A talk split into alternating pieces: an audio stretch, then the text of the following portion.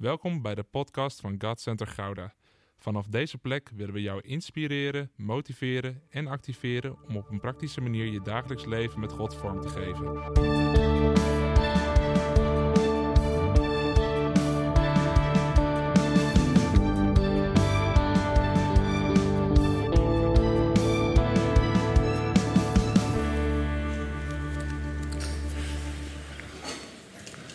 Ik was deze week, zat ik even op nu.nl te kijken.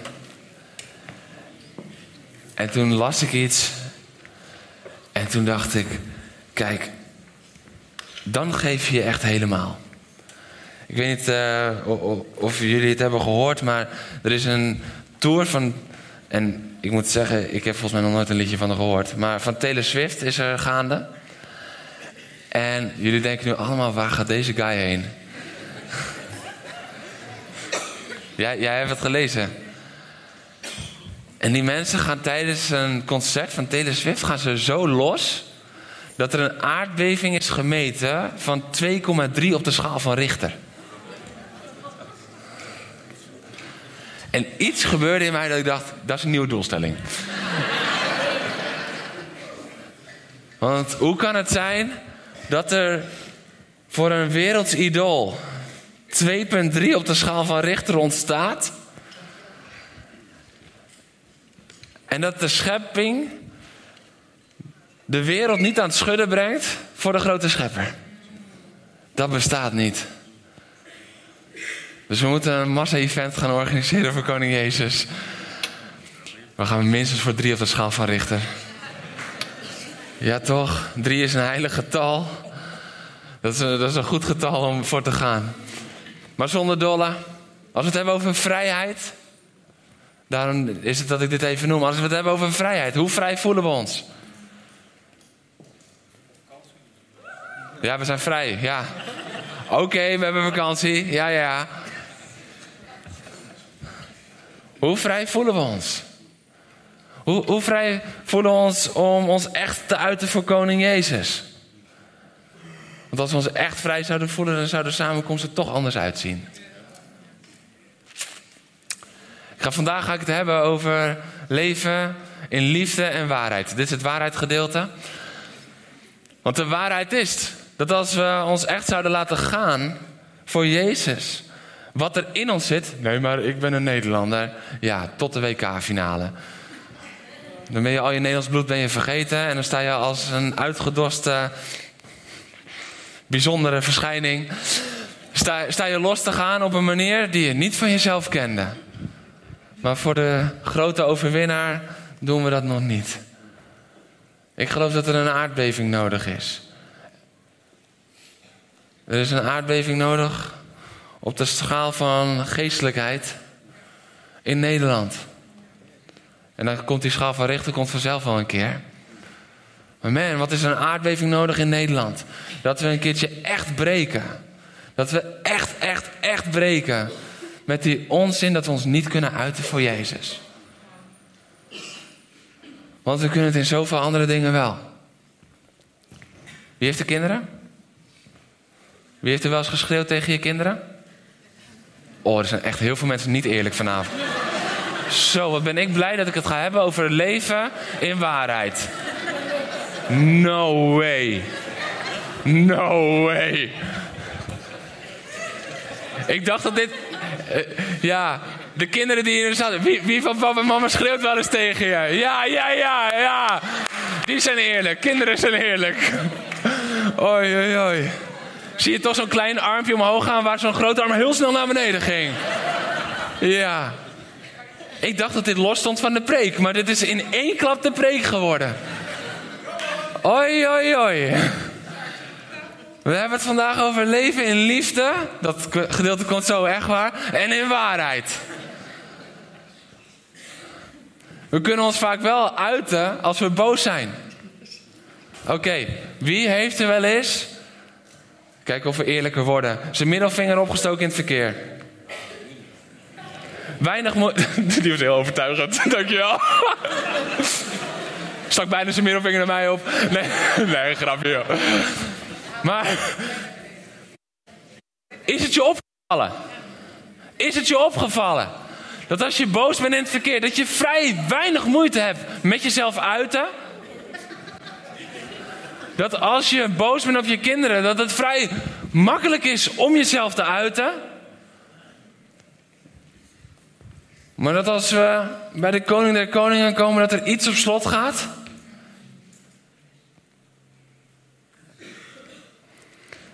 Dat is niet oké.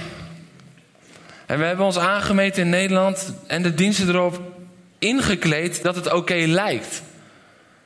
Maar schrik niet als er hier een zondag alle stoelen weg zijn.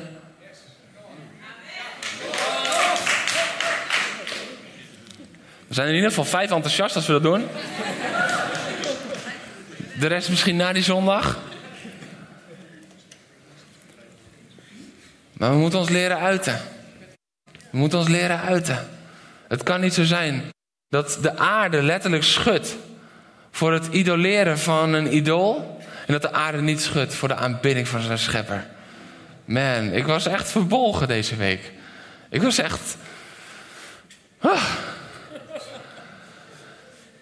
Het is tijd voor een aardbeving in geestelijk Nederland. Oké, tot zover het intro dat niks te maken had met mijn boodschap, maar toch wel. Ik wou beginnen met. Zij verheugt zich niet in onrecht, maar vindt vreugde in de waarheid. 1 Korinthe 13. Zij verheugt zich niet in onrecht, nee, zij vindt vreugde waarin? In de waarheid. En wie doet dat? De liefde. Vandaag hebben we het over liefde en waarheid. Vandaag hebben we het over liefde en waarheid die veel meer met elkaar verbonden zijn als dat wij vaak denken. We gaan zo direct achter komen dat het veel vaker verbonden is. Weet je, en soms, soms zie je ook dat iets liefde lijkt, maar als de waarheid er niet in is, dan kom je erachter dat voelt toch niet helemaal als liefde. Ken je dat moment dat er een kind naar je toe komt? Ah, oh, papi.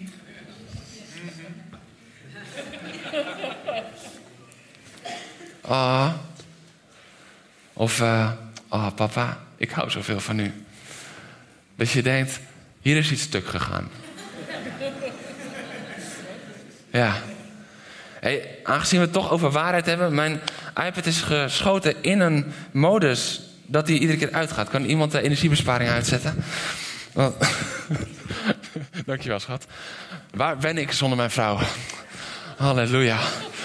Over waarheid gesproken. Maar, maar dan, voel je, in het begin denk je even misschien van... Oh, ze komen gewoon naar me toe om gewoon te vertellen dat ze van me houden. En na drie minuten denk je... Oh, ze kwamen introduceren dat er iets anders aan de hand is. Maar zolang die waarheid nog niet geopenbaard is, kan het liefde lijken. Maar uiteindelijk kom je erachter dat het is geen liefde. Zonder waarheid geen liefde. In vriendschappen ook, of in relaties. Als je eeuwig blijft aaien over iemand, dit is ook voor pastoraat trouwens.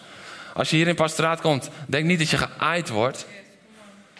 Je krijgt af en toe een schop onder je kont en dan word je weer geaaid. Maar dat gaat samen, liefde en waarheid.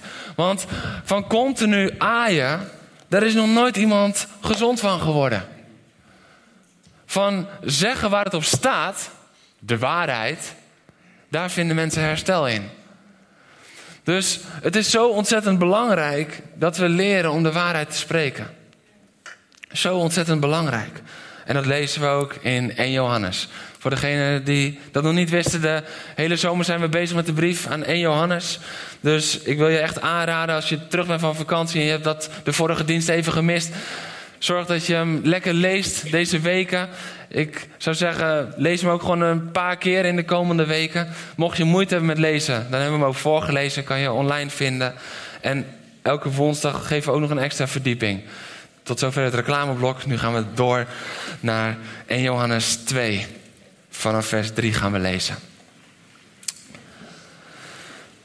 Dat wij God kennen, weten we doordat we ons aan zijn geboden houden. Dit vind ik een magistrale zin, want dit strookt niet bij ons idee van hoe we God kennen. Als we zelf de Bijbel zouden schrijven op dit moment, zouden we zeggen dat wij God kennen, weten we door zijn liefde. Of dat weten we door zijn redding. Of nee, maar dat weten we dus ook doordat we ons aan zijn geboden houden. Wie zegt, ik ken hem, maar zich niet aan zijn geboden houdt, is een leugenaar. De waarheid is niet in hem of haar. In wie zich aan Gods woord houdt, is zijn liefde ten volle werkelijkheid geworden. Dat vind ik ook zo mooi, hè? Dus het is niet van, oké, dan is Gods waarheid ten volle werkelijkheid geworden. Nee, Paulus, uh, sorry, en Johannes, die snapt dat het niet alleen is, oké, leugen staat tegenover waarheid. Nee, maar leugen staat dus ook tegenover liefde. Het is verweven met elkaar. En daarom schrijft hij dit zo ontzettend kunstig. En weet je, mensen zullen zeggen, nou, het is bijna poëtisch. Nee, maar het is geestelijk. Het is geestelijk ontzettend diep wat hier staat. Want als je niet aan de geboden houdt, leugenaar, de waarheid is niet in hem. En dan verwacht je, als je het wel doet, dan is de waarheid in jou. Nee, dan is Gods liefde ten volle werkelijkheid geworden. En hierdoor weten we dat we in hem zijn. Ik wil het eigenlijk even hierbij laten, en ik heb het niet doorgegeven, maar in vers 8 van hoofdstuk 1 staat ook dat als we zeggen dat we de zonde niet kennen, dan misleiden we onszelf en is de waarheid niet in ons. De waarheid is dan niet in ons. Dus ook daarin. Laten we alsjeblieft als kerk wat opener worden over de zonde waar we mee worstelen. Want als je zegt dat je die niet meer kent, of je gaat ze verhullen, dan is de waarheid niet in je. Dan is de waarheid niet in je. En als de waarheid niet in je is, dan is er ruimte voor leugens. En dan zal die liefde die je ervaart, die zal op een gegeven moment ruimte maken voor aanklacht. Het is onlosmakelijk verbonden met elkaar. Je mag gaan zitten. We moeten een dader worden van liefde en waarheid. Een dader van liefde en waarheid. Een dader van liefde, dat horen we vaak, maar gewoon, we moeten een dader worden van de waarheid. Dat betekent dat je soms in hele lastige momenten gaat komen. Omdat niet iedereen de waarheid waardeert, maar uiteindelijk is het wel de waarheid die vrijmaakt.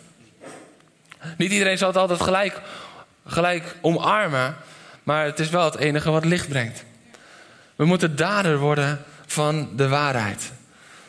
Want het niet doen van Gods wil, hebben we net gelezen, daar is geen waarheid in.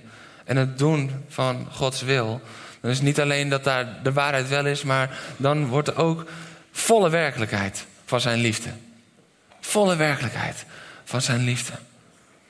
Dit is ook waarom Jezus in Johannes 8, vers 32 zegt dat we, als we zijn discipelen willen zijn, dat we in Hem moeten blijven.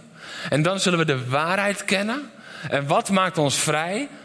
De waarheid, want dan zullen we vrijheid leren kennen. Dat zal ons vrij maken. Want de waarheid maakt vrij. Weet je dat dit vanuit Johannes 8 wel vaak iets is wat we snappen en weten, maar dat we heel vaak eigenlijk nog steeds ten diepste denken dat Gods liefde vrij maakt? Dat doet het ook. Maar het interessante is dat als je Johannes 8 en 1 Johannes 4 naast elkaar legt, dan is het de waarheid die vrij maakt. En Gods liefde in Johannes 4 die de angst uitdrijft. Heeft ook met een stukje bevrijding te maken, zeker weten. Maar wat maakt vrij? De waarheid. En wat drijft elke angst uit? De liefde. En het interessante is dat we dat vaak in ons hoofd toch een beetje andersom doen. Want we denken iedere keer, nee, we moeten met Gods liefde komen, we moeten met Gods liefde komen, we moeten met Gods liefde komen. Want als we maar met Gods liefde komen, dan, dan wordt iemand vrij. Nou, Gods liefde alleen brengt niet iemand tot vrijheid. Wist je dat? Ik gooi echt mijn aantekeningen door de war, maar ik voel hem. Um, Jezus komt bij de overspelige vrouw. En, uh, sorry, de overspelige vrouw wordt bij hem gebracht. Laten we die pakken als voorbeeld. De overspelige vrouw wordt bij Jezus gebracht. De stenen worden gepakt. Jezus zegt: Wie zonder zonde is, werpen de eerste steen. Iedereen legt de steen neer en gaat weg. Jezus blijft alleen over met haar in de tempel. En wat gebeurt er dan? Hij zegt: Ook ik oordeel u niet. Nou, dat is het gedeelte waar we vaak blijven hangen. Als het gaat over hoe we Jezus brengen. Maar Jezus gaat verder. Jezus gaat verder dan dat wij hem vaak brengen. Want Jezus zegt: Ga nu heen en zondag niet meer. Zullen we even die angst en die vrijheid pakken? Waar zat er nog angst bij die vrouw? voordat Jezus zei: Ik oordeel u niet. Dan boem. Elke angst werd uitgedreven daar. Maar wat brengt haar in ware vrijheid? Dat Jezus niet zegt alleen: ah, ik zorg dat die angst weggaat. Nee, ik geef je ook de waarheid mee. Dit moet je niet meer doen. Want hij wist: dit is niet goed voor haar. Hij wist dat het overspel niet goed was voor haar. Dus de waarheid is dan ook zeggen: hé, hey, moet je mee breken? Ga heen en zondig niet meer. Doe het niet meer. Dat is de waarheid. De liefde die oordeelt niet en de waarheid zegt waar het op staat. En ze gaan hand in hand. Want wij denken nog steeds dat het of-of is. Als wij als kerk zeggen dat we geloven dat seks bedoeld is voor binnen het huwelijk, binnen de veilige kaders van God, dan moeten we de waarheid zeggen. En niet heel te denken van, ja, maar we moeten vooral lief zijn. En ja, de wereld is nu echt veranderd. En, en er, kunnen hier nu gasten zitten die dan denken van, ja, maar dan ben ik in de fout gegaan. En ja, dat mag er naast elkaar bestaan. Want Gods liefde oordeelt jou niet. Maar als je in een relatie zit en je hebt seks buiten huwelijk, zegt hij: hey, ik oordeel je niet, maar stop ermee. Liefde en waarheid. Als we het hebben over het huwelijk tussen man en vrouw, dan kunnen we zeggen van ja, we moeten alleen maar de liefde, alleen maar de liefde. Nee, het is naast elkaar. Jij bent hier meer dan welkom. Jij bent hier meer dan welkom en God houdt van jou. En toch is de waarheid ook dat het woord ons leert dat het huwelijk is bedoeld tussen man en vrouw. Het is niet of-of, het is en-en. Er is liefde en waarheid. En die spreken elkaar niet tegen. Dat moeten we mee breken in ons hoofd. Dat ze elkaar tegenspreken. Ik ga straks nog een paar voorbeelden geven waarin je ziet dat als je de waarheid bedekt, zit er niet eens liefde in. Vaak denken we dat met de mantel der liefde bedekken, dat dat liefde is. Vaak is het gewoon schaamte of angst. Maar als de waarheid geen ruimte krijgt, dan is er altijd een ander motief dan liefde. Alleen vaak noemen we het motief liefde. En dat is het verwarrende. Want we denken, ah, wat goed. Maar het is niet goed. Oké, okay, ik even terug.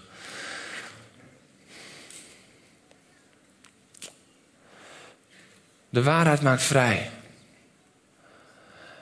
En veel van ons zullen denken van nee, nee, nee, nee, nee, zijn genade bevrijdt en niets anders. En anderen zullen die misschien veel meer zijn van het wettische uh, gedeelte van nee, nee, nee, de, de wet maakt vrij. Want de wet zorgt ervoor dat je niet zondigt. En als je daaraan houdt, dan ben je vrij. Want dan zondig je niet.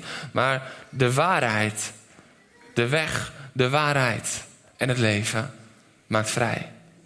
Jezus identificeert zichzelf met de waarheid. Hij is de waarheid. Dus hij is het die vrij maakt. Maar weet je wat ik zo mooi vind? Dat we hem niet kunnen scheiden van wat hij doet en wie hij is. Maar dit is wel helaas zo vaak wat we doen. Want we zeggen van ja, Jezus, Jezus maakt vrij. Maar als Jezus zegt, ik ben de waarheid, dan zeggen we ja, Jezus de weg, de waarheid en het leven. En Jezus maakt vrij. En toch zijn we dan heel vaak niet bereid, want dat is het vaak, om dan ook echt te brengen wie hij is. Want dan moeten we ook de waarheid brengen. Als je vastzit in destructieve patronen, verslavingen, zonde. Als je hart verhard is naar een broeder of een zuster of een familielid. Weet je wat wij allemaal zeggen met elkaar? Ja, ik kan het ook wel begrijpen.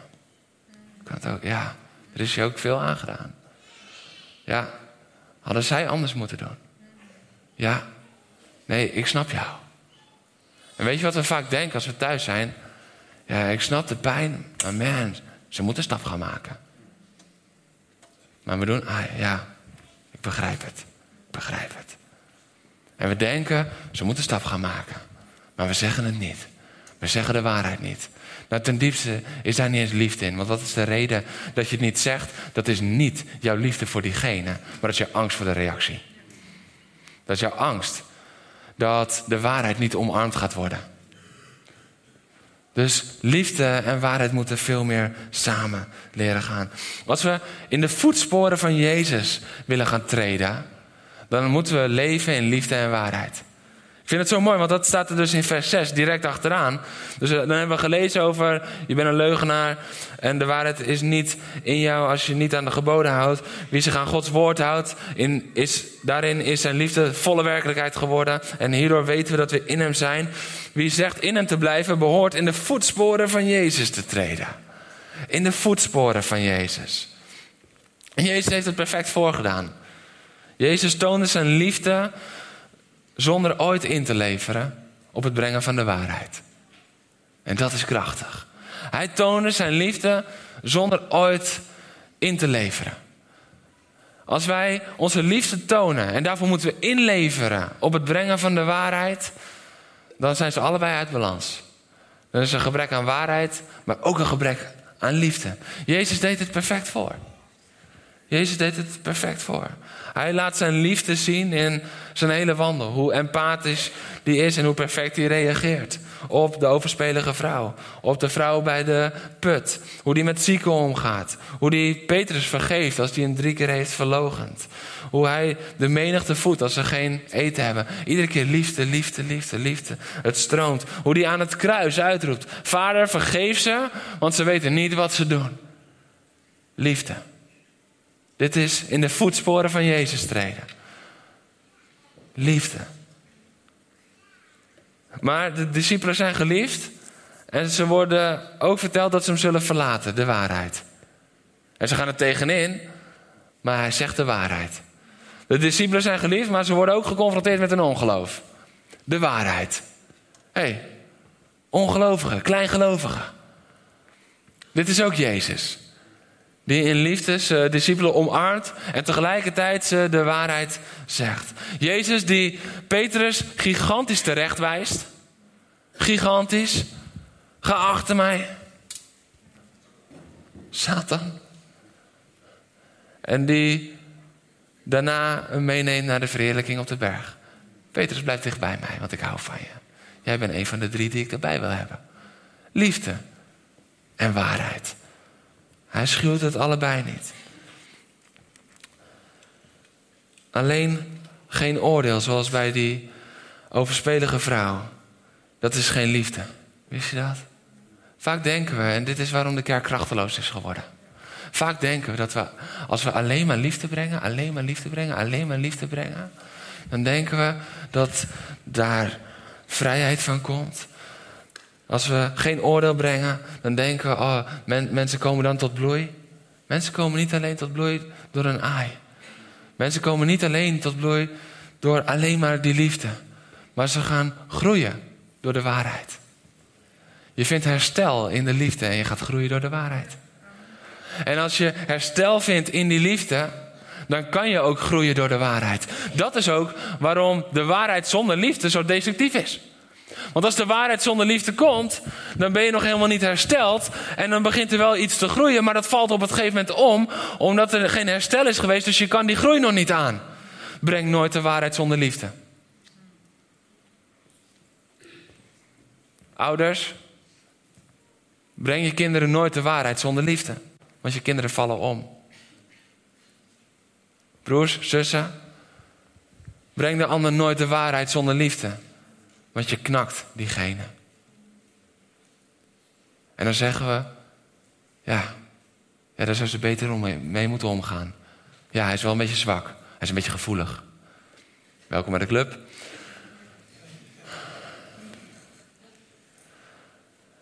Maar durf naar jezelf te kijken. Breng ik het in liefde en waarheid? Ja, diegene groeit maar niet. Diegene, ik word er echt gek van. Ik loop nu al twee jaar met diegene op. En die worstelt nog steeds met dezelfde dingen. Ja, heb je hem al de waarheid verteld? Nee, want hij is een beetje gevoelig. Nee, want dat, uh, dat, dat moeten de leiders van de kerk maar doen. Ja, ik liefde, zij waarheid. Nee, allebei. Voor allebei. Allebei voor allebei. Zorg dat je je vrienden niet in gevangenschap houdt. Door ze de waarheid te ontzeggen. Zorg dat je je kinderen niet in gevangenschap houdt. Als je kinderen nooit meer de waarheid zegt. Dit is hip, hè? Dat kinderen de baas zijn in huis. Sorry, er wordt even een opvoedochtendje. Ja, weet je wat het is? Ik ga hierna op vakantie. Dus, dus, dus- Man, er wordt een lange. Halleluja. Pak je dekje er maar alvast bij. Nee.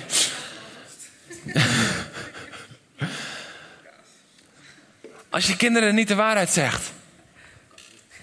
Dat is geen liefde. Kinderen die de baas zijn en die de waarheid niet meer horen. Dat lijkt op dat moment alsof je de ideale ouder bent. En ja, ik wil vooral een vriend zijn voor mijn zoon of een vriendin voor mijn dochter. Het is en en. Wees in liefde die vriend of die vriendin. Maar hey, als ouder zeg de waarheid. In liefde. Als je je kinderen niet opvoedt, hoe gaan ze leren wat goed voor ze is? Hoe gaan ze de veiligheid ervaren die ze nodig hebben? Dan gaan ze de veiligheid wel ergens anders in zoeken. En dan komt je dochter van 13 thuis met een gozer. Man, de mijne is zes. Weken en ik word al gek bij de gedachte. En ook bij die van zes. Dan gaan ze het zoeken in iets anders. En als je ze geen liefde geeft, waar denk je dat ze het dan gaan zoeken? Als je ze alleen maar de waarheid vertelt, alleen maar de waarheid vertelt, alleen maar de waarheid vertelt. En er is geen liefde in. Waar denk je dat ze liefde en geborgenheid gaan zoeken? Maar zo is het ook hier als gemeente. Het is niet alleen bij ouders en kinderen thuis, maar het is ook. Daarom willen we altijd gebalanceerd zijn als gemeente. Van, we willen de liefde brengen en de waarheid. Want we zijn geroepen om het beide te doen, beide te brengen. De liefde en de waarheid. Ik heb het niet wetenschappelijk laten onderzoeken, maar ik heb het vermoeden dat de kerk de plek is waar we elkaar het minst de waarheid durven zeggen. Op aarde. Maar weet je, het blijft wel zitten. Je zegt het niet wat je vindt van die actie van de ander. Maar het blijft wel zitten in je hart. De waarheid maakt vrij. Niet alleen de waarheid horen, maar ook de waarheid spreken maakt vrij. Als jij iemand nog nooit de waarheid hebt gezegd, heb je niet eens het recht om boos te zijn op die ene. Want hoe kunnen zij het weten?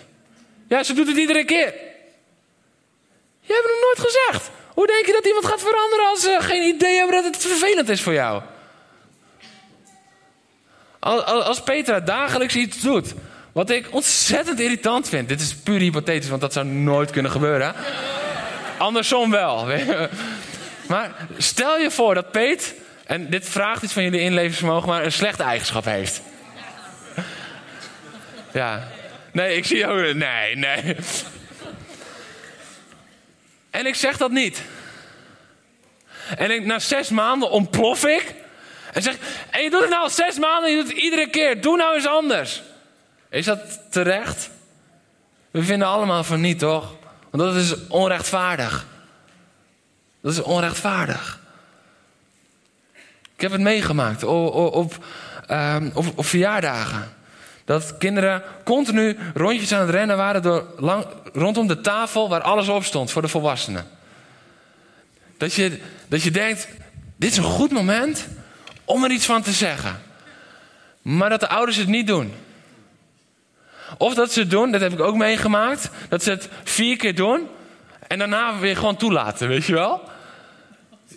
Ja, dan ga ik altijd een beetje zo kriebelen. Maar dat is persoonlijk voor mij, daar moet ik mee afrekenen. Maar in ieder geval, dit is wat er gebeurt. Wordt iedere keer gezegd. Maar mantel de liefde maar weer erover. Mantel. En dan gaat er iets om. En dan wordt het kind opgepakt. En ik heb het toch acht keer gezegd. En... Of het wordt niet gezegd. Kijk, als je het zegt en daarna weer tolereert. Dat is voor een kind een beetje. Ik snap het niet meer, het zal wel weer mogen. Maar als je het niet zegt. En het gaat dan om. En je gaat dan een kind bij de nek wel pakken en op de trap zetten van... Je mag niet rennen rond de tafel. Dat is onrecht. Dat kan het kind niet weten, want je hebt het niet gezegd.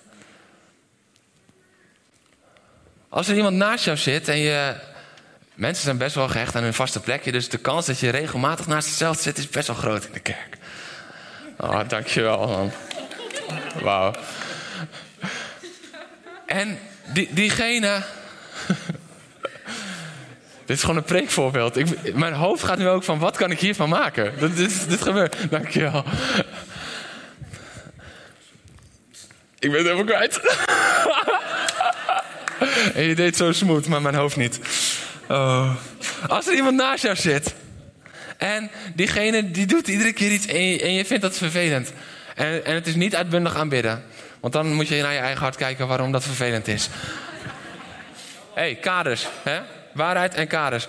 Maar je zegt er niks van. En je gaat op het gegeven moment ga je een ander plekje zoeken. En diegene denkt van, hé, wat jammer. En er is geen waarheid in. Want je zegt de waarheid niet. Er is ook geen liefde in. En maak jezelf niet wijs. Nee, ik doe het uit liefde voor die persoon. Want ik zeg het niet, want ik wil die ander niet storen in zijn of haar leven. Maak het jezelf niet wijs. Want waar de waarheid ontbreekt, is geen liefde. We hebben waarheid en liefde nodig. We moeten daders zijn van waarheid en liefde om in de voetsporen van Jezus te kunnen lopen. Gelijk ook tijd om heel even af te rekenen met dat leugentje om best wil. En om het niet zeggen, want dat doet haar of hem pijn. En ook dat, ja, het was voor de helft waar. Ja, weet je waar de zonneval mee begon? Het was voor de helft waar wat hij zei. Kom niet met die 50-50. Doe niet de waarheid en leugen hand in hand. Denk niet dat je er middenin kan lopen en allebei kan vasthouden. Ze scheuren je uiteen. Ze scheuren je uiteen. Want de ene gaat naar rechts en de andere gaat naar links. Wij denken vaak dat we zo rechtdoor kunnen lopen. Met de waarheid en de leugen een beetje in onze hand. Als je nog leugens hebt in je leven, ga de waarheid vertellen. Als je hier als man bent en je zit nog vast aan de porno, ga naar je vrouw vandaag. Ja, nee, maar dat, dat zal er breken. Ja, een geheim. Dat breekt er nog meer. Er is één ding wat nog meer breekt in deze situatie. En dat is dat ze er op een gegeven moment zelf achter komt en dat je er niet mee bent gekomen. Dus zorg dat je er gewoon mee komt. Vandaag nog. Ga niet langer met de waarheid en de leugen denken hand in hand te gaan. Want het trekt je uiteen. En je bent niet meer jezelf op het gegeven moment. Waarom denk je dat er steeds meer en meer en meer en meer leugens komen? Omdat één leugen trekt de volgende aan. En die volgende die heeft weer twee nodig om het in stand te houden. En voor je het weet zit je in een web. Zit je in een web. En de waarheid. De waarheid is hier dat zeker zeven op de tien mannen ermee worstelt.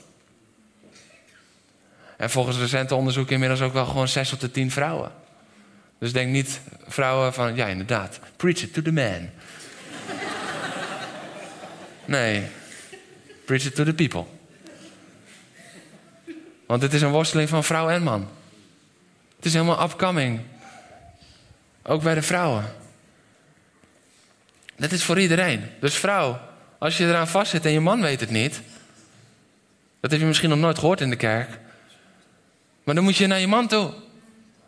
Want het is zowel voor vrouw als man. En als je alleen bent en je zit eraan vast, zoek een buddy. Zoek iemand die daarin verder is dan jij en die je kan bemoedigen. En dit bedoel ik niet negatief naar degene die er ook in vast zit, maar denk niet van, oh dan gaan wij dat samen doen. Nee, zoek er iemand bij die het heeft overwonnen. Niet omdat diegene beter is, maar omdat diegene verder is, dus die kan je beter helpen. Die is niet beter, maar die kan je wel beter helpen. Belangrijk verschil.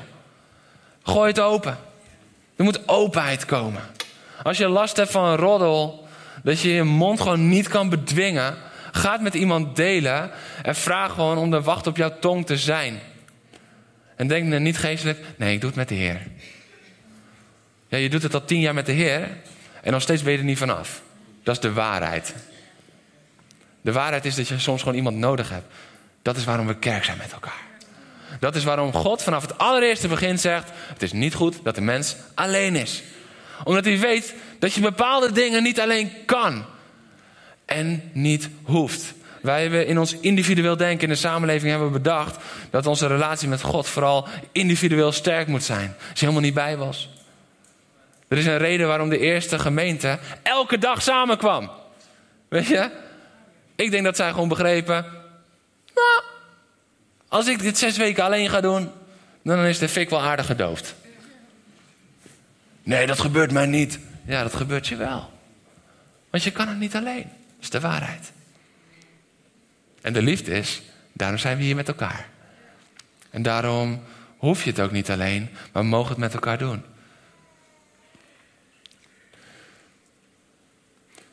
De reden waarom we de waarheid vaak niet zeggen, is omdat we een diep gewortelde angst hebben. Een diep gewortelde angst voor de reactie, voor onze status. Want als ik het nu zeg, weet je dat dit een van de meest ehm, grote problemen is voor podiumbedieningen? Dat gasten niet open eerlijk durven zijn, want ze zijn bang om van het podium gehaald te worden. Weet je wat het probleem dan is? Niet meer alleen waar je in vast zit, maar het probleem is dat het podium groter is geworden dan God voor jou. Is een groot probleem. Nou, laat me je zeggen dit. Wij prediken hier liefde en waarheid. We leven hier dan ook liefde en waarheid. Dat betekent soms dat je een time-out krijgt van een paar maanden. Niet om je van het podium te trekken omdat je het niet meer waard bent, maar omdat je het waard bent om gezond te worden voordat je weer verder gaat groeien. Liefde en waarheid. Herstel en groei. Maar dat betekent ook dat als je een tijdje van het podium gaat, dat het niet is van hey, succes de komende zes maanden, de komende drie maanden. En we zien je wel weer terug als je hersteld bent. Nee, dan gaan we het ook hand in hand doen. Dan gaan we je ook helpen. Want jij bent belangrijker dan wat je doet.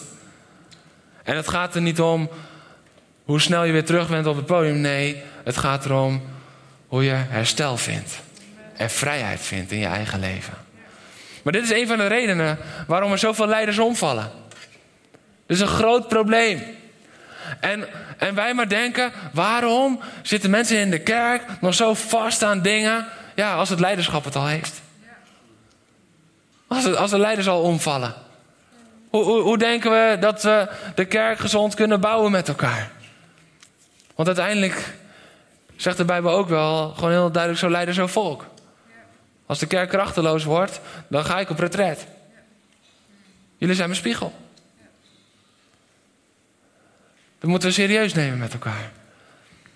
Er moet openheid komen, want het is iedere keer angst die de waarheid weghoudt. Het is iedere keer angst die je wegtrekt.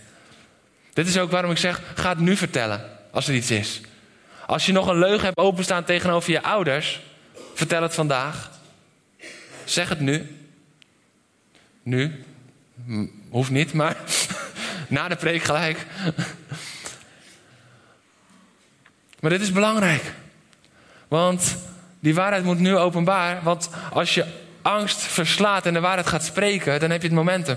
Maar als je er drie dagen mee wacht, heeft de angst weer gewonnen. Dit is wat er zo vaak gebeurt. Op zondag maak je de beslissing, op donderdag ga ik het doen. En op woensdag ben je vastbesloten, dat gaan we niet doen.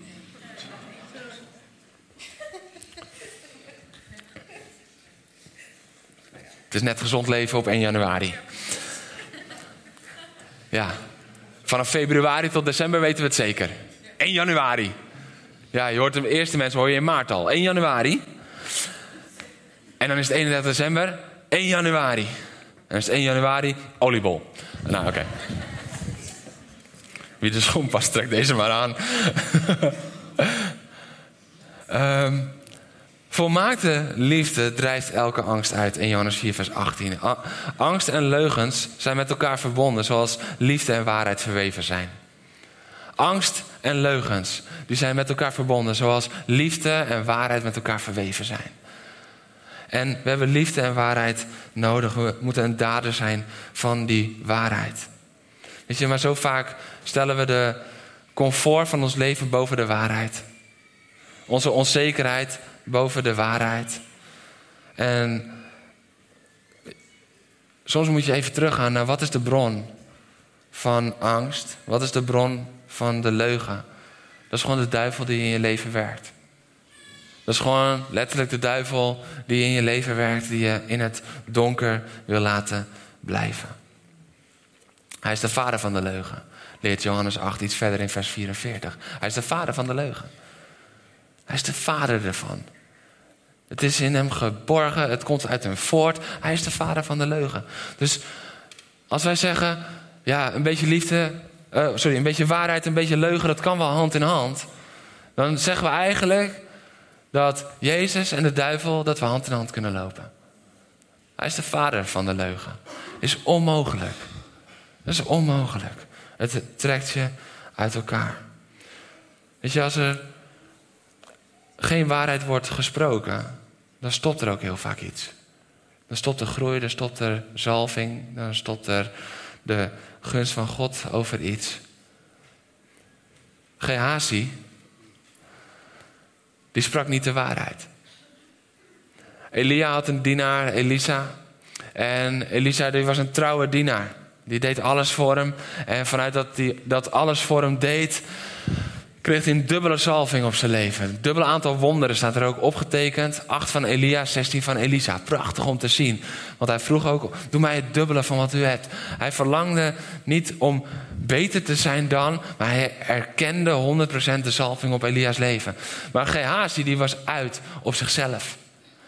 En waar hij leugens begint te spreken. Want op het gegeven moment wil iemand wil Elisa belonen. Elisa zegt nee, nee, nee. Want mijn vertrouwen ligt in God en niet in wat jij me nu wil geven. En hij gaat. En Gehazi denkt, die loopt mee met Elisa. En die denkt, dit was een gemiste kans. En die gaat met een smoesje gaat hij terug. En die zegt, ja, mijn heer die heeft me toch teruggestuurd. En oké, en die neemt het mee. En dan komt hij. En dan is hij ook nog eens niet eerlijk tegen Elisa. En de zalving stopt daar. Verwacht geen zegen over het ontbreken van de waarheid. Soms denken we van, ja, waarom breekt het niet door? Waarom breekt het niet door? En ik zeg niet dat je de zegen van God kan verdienen, echt niet, maar je kan wel stoppen. Dat is iets anders, hè? Want verdienen, dan zouden we weer onder de wet komen. Maar door moedwillig vast te blijven houden aan leugens en de waarheid geen ruimte te geven, houden we het tegen. En waarom stopt dat dan? Omdat het niet veilig bij jou is. Dat is de waarheid. Dat doet hij niet om dan een, een, boze God te zijn. Nee, want God is nog steeds die liefdevolle God. En hij houdt nog steeds van je. Jezus zegt ook: Ik oordeel u niet. Voordat hij zegt: En doe het niet meer. Voordat hij weet of ze zich daaraan gaat houden. Hij zegt gewoon: Ik oordeel u niet. Maar hij geeft wel de waarheid mee. En zo is het ook hierin. Soms stopt er iets omdat het niet stand houdt omdat je karakter niet gevormd is daarin. Het is zo ontzettend belangrijk. Petrus sprak niet de waarheid. Hij verloochende Jezus drie keer. En dan stopt het in zijn leven. Dat vergeten we vaak, maar het stopt in zijn leven. Want hij gaat terug naar de boot. Petrus, die bestemd is en al geroepen is als visser van mensen, gaat terug naar de boot. Hij heeft Jezus drie keer verlogend. De waarheid is niet meer en de leugen is gekomen. En wat is het eerste wat hij doet? Hij trekt zich terug. Terug naar het oude. Wat is het eerste wat je doet? Als je ruimte geeft aan leugens en de waarheid niet meer laat zijn, je trekt je terug en je gaat terug naar het oude. Dit is wat ik zoveel zie. Dit is waarom er veel mensen, als het moeilijk gaat, dan gaan ze de waarheid niet zeggen, dan gaan ze zich terugtrekken, dan komen ze een tijdje niet meer, totdat ze weer teruggeroepen worden door God. Maar het was niet de bedoeling van Jezus dat Petrus tussentijds weer terug naar de boot ging om weer te vissen of vissen. Dat was niet Jezus' bedoeling, want hij had hem al geroepen: Ik zal je vissen van mensen maken. En nou de liefde. Gods liefde is dan zo groot dat hij niet zegt: Nou oké, succes. Je bent terug bij het oude. Nee, maar Gods liefde is dan zo groot dat hij zegt: En dan zoek ik je gewoon weer op dan zoek ik je gewoon weer op. En dat doet Jezus ook bij Petrus. Als jij hier zit en je denkt, oeh, dat van Petrus, dat komt wel binnen. Daar lijk ik wel op. Ik heb leugens toegelaten, de waarheid is niet in me. Ik ben terug bij het oude, oh man. Jezus komt je weer opzoeken en Jezus zoekt je vandaag op. Dit is wat hij doet op dit moment. Hij klopt aan de deur van je hart en hij zoekt je weer op. En Jezus zegt dan niet van, hé, hey, vanaf de plek waar ik ben, met een luide stem, werk jezelf weer terug naar mij. Nee, hij gaat naar de plek waar Petrus is teruggegaan naar het oude. Hij gaat terug naar de kust bij het water. Hij gaat terug naar de boot waar Petrus zich bevindt. Dit wordt nog een nieuwe preek, maar Jezus, met Jezus op de brede weg. De brede en de smalle weg. Dat was hem, ja. Met Jezus op de smalle weg, daar kunnen we ons alles bij voorstellen. Maar met Jezus op de brede weg, hij houdt je niet op de brede weg, maar hij ontmoet je wel op de brede weg. Dit is Jezus. Jezus is niet bang om die brede weg op te gaan. Weet je, wij moeten niet bang zijn om de brede weg op te gaan, om iemand te pakken en mee te trekken die smalle weg op. We hoeven niet bang te zijn voor die brede weg. Het moet niet onze wandel zijn, de brede weg. Maar beter komen we er af en toe wel. Want op de smalle weg hoeft er niemand meer gered te worden. Op de brede weg wel. We hebben een soort angst voor die brede weg. En dat komt allemaal door het ene plaatje dat eeuwenlang volgens mij heeft gehangen in elke traditionele kerk. Want de brede weg die gaat naar hel en verdoemenis. En de smalle weg, daar is Jezus. En we hebben een soort angst gecreëerd. En ik denk dat het tijd is voor een nieuw plaatje waarin die smalle weg veel meer ook daarin de ontmoetingspunten met de brede weg heeft. Zodat we mensen daar kunnen bereiken met het evangelie van de smalle weg. Het is tijd voor een change in onze gedachten daarin. We hebben de waarheid nodig en de liefde nodig. Weet je, als je de waarheid niet spreekt, zit er niet, geen liefde in. Dat heb ik net gezegd. Als ik iets heb gedaan wat Petra pijn doet. En ik ga de waarheid daar niet van zeggen. Dus ik heb naar iets verkeerds gekeken. Of ik heb iets gezegd over haar tegen iemand anders wat niet opbouwend was. Of ik heb de laatste stukje chocola opgegeten. Dat is de ergste van de drie. En dat zou me ook echt kunnen gebeuren. en ik zeg de waarheid niet. Wat denk je dat de reden is om de waarheid niet te zeggen? Is het liefde voor haar? Ik kan het mezelf lang wijs maken, maar dat is het niet. Wat is de reden dat mannen niet zeggen dat ze naar verkeerde dingen kijken tegen hun vrouw? Dat is niet de reden dat ze het niet zeggen, is niet liefde, maar is angst. Straks wil ze me niet meer. Straks slaap ik echt op de bank. Straks. En die straks, daar zit zoveel angst in, dat we het niet zeggen. Dat is geen liefde. Liefde is de waarheid openbaren. Hoe pijnlijk het ook is. Hoe pijnlijk het ook is. Weet je, de waarheid doet even pijn, maar brengt de mogelijkheid tot herstel. Maar de leugen doet tot in lengte van dagen de pijn in stand houden en brengt afstand en afbraak. Altijd. Altijd, want de duivel is de vader van de leugen. Dus wat hij heeft geprobeerd met de leugen is afstand en afbraak. Want dat is zijn missie. Zijn missie is afstand en afbraak.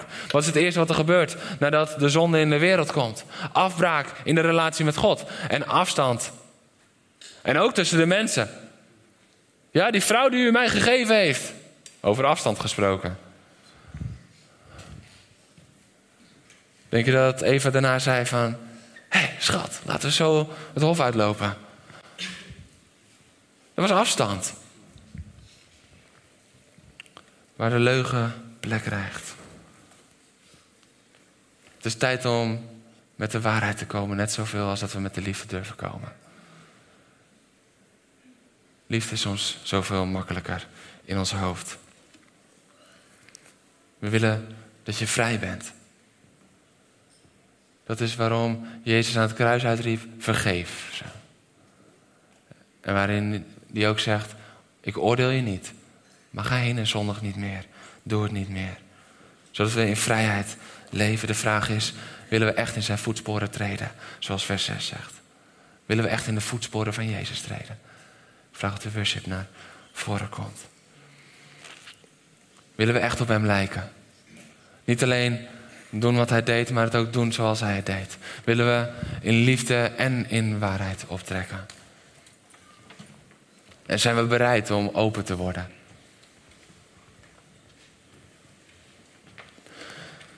En dan weet ik dat hier mensen zijn.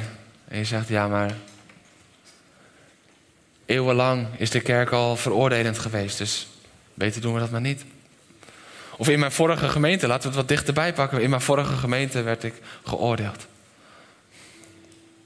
En ik zeg niet dat het niet zo is, want het kan goed zijn dat je in je vorige gemeente geoordeeld bent. Misschien wel in je vorige relatie, dat je continu geoordeeld werd. En ik ga ook niet ontkennen dat de kerk een status heeft opgebouwd van eeuwenlang investeren in veroordeling. Maar laat dat nou niet de reden zijn om het vandaag niet ermee te breken, want dan houden we in stand de erfenis waar we los van willen komen. We willen loskomen van die veroordeling. loskomen van dat gevangenschap. We zijn vrij in Christus en toch leven we zo vaak nog gevangen. Niet omdat er vrijheid van Hem ontbreekt, maar omdat we tralies om onszelf hebben heen gebouwd uit angst voor de reactie van anderen. Vaak zijn we niet eens bang voor de reactie van Jezus, maar die van anderen. Hij zegt: Oh, mijn zoon, mijn dochter. Laten we opnieuw starten vandaag. Laten we de waarheid eren.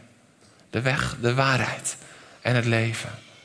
Zo vaak ligt de nadruk op de weg of op het leven, maar hij is ook de waarheid. Hij zelf is de waarheid. Dus overal waar we de waarheid buiten houden, houden we Jezus erbuiten. Dit was de openbaring die tot me kwam.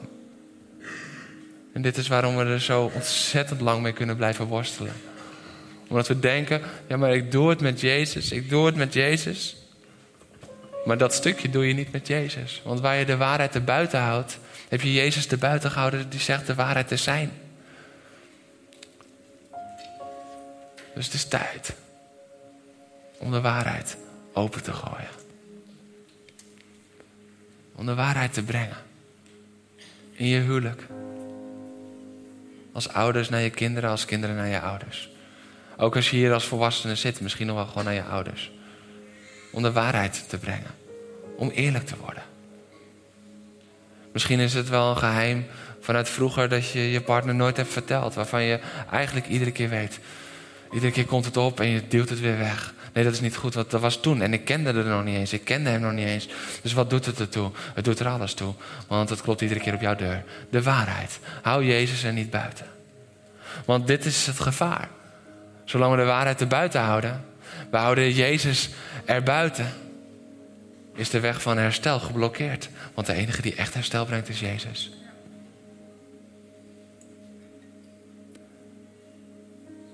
En Jezus kan het dan soms op een andere manier doen als dat we willen. Door het in de openheid te gooien. Door niet een simpel gebed op een glory te ontvangen, maar door een proces aan te moeten gaan van herstel. En dat die je verbindt. En dat je met meerdere dingen in het licht moet treden. En dan willen we met je bidden dat de mensen naar wie je toe moet gaan, dat die zoals Jezus zullen reageren. We kunnen het niet beloven. Het enige wat ik kan beloven is dat het hart van de gemeente, en daarmee het leiderschap van de gemeente, hier wel 100% in staat. Maar hoe je familie gaat reageren, dat weet ik niet. Hoe je vrienden gaan reageren, dat weet ik niet. Wat ik wel weet, is dat ondanks de pijnlijke reactie, je wel vrij bent geworden. Als die reactie pijnlijk is. Wat ik wel weet, is dat de tralies uit je leven verwijderd worden. En vaak zijn we bang voor een klap. Dus spenderen we de rest van ons leven achter tralies. Ik kan je niet garanderen dat die klap niet komt. En ik heb het dan over figuurlijke klappen, hoop ik. Ik kan je niet garanderen dat hij niet komt, maar ik durf je wel te zeggen dat een leven lang in gevangenschap, uit angst voor één klap, dat dat niet Gods weg is. En ik durf je wel te zeggen dat als het dan gebeurt, keer dan in rust en liefde die andere wang toe, maar leef verder in vrijheid. hey, en we zijn hier vandaag niet om je te oordelen dat je al zo lang in een leugen leeft. Maar we zeggen wel, ga heen. En lieg niet meer. Ga heen en breng de waarheid. Ga heen en word vrij. Ga heen en leef. Ga heen en leer liefde kennen. Ga heen en leer waarheid kennen.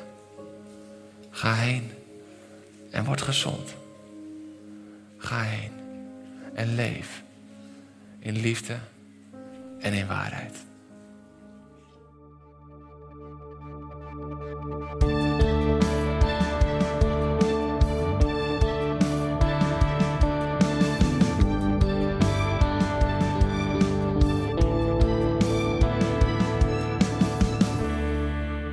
Luisteren naar deze podcast.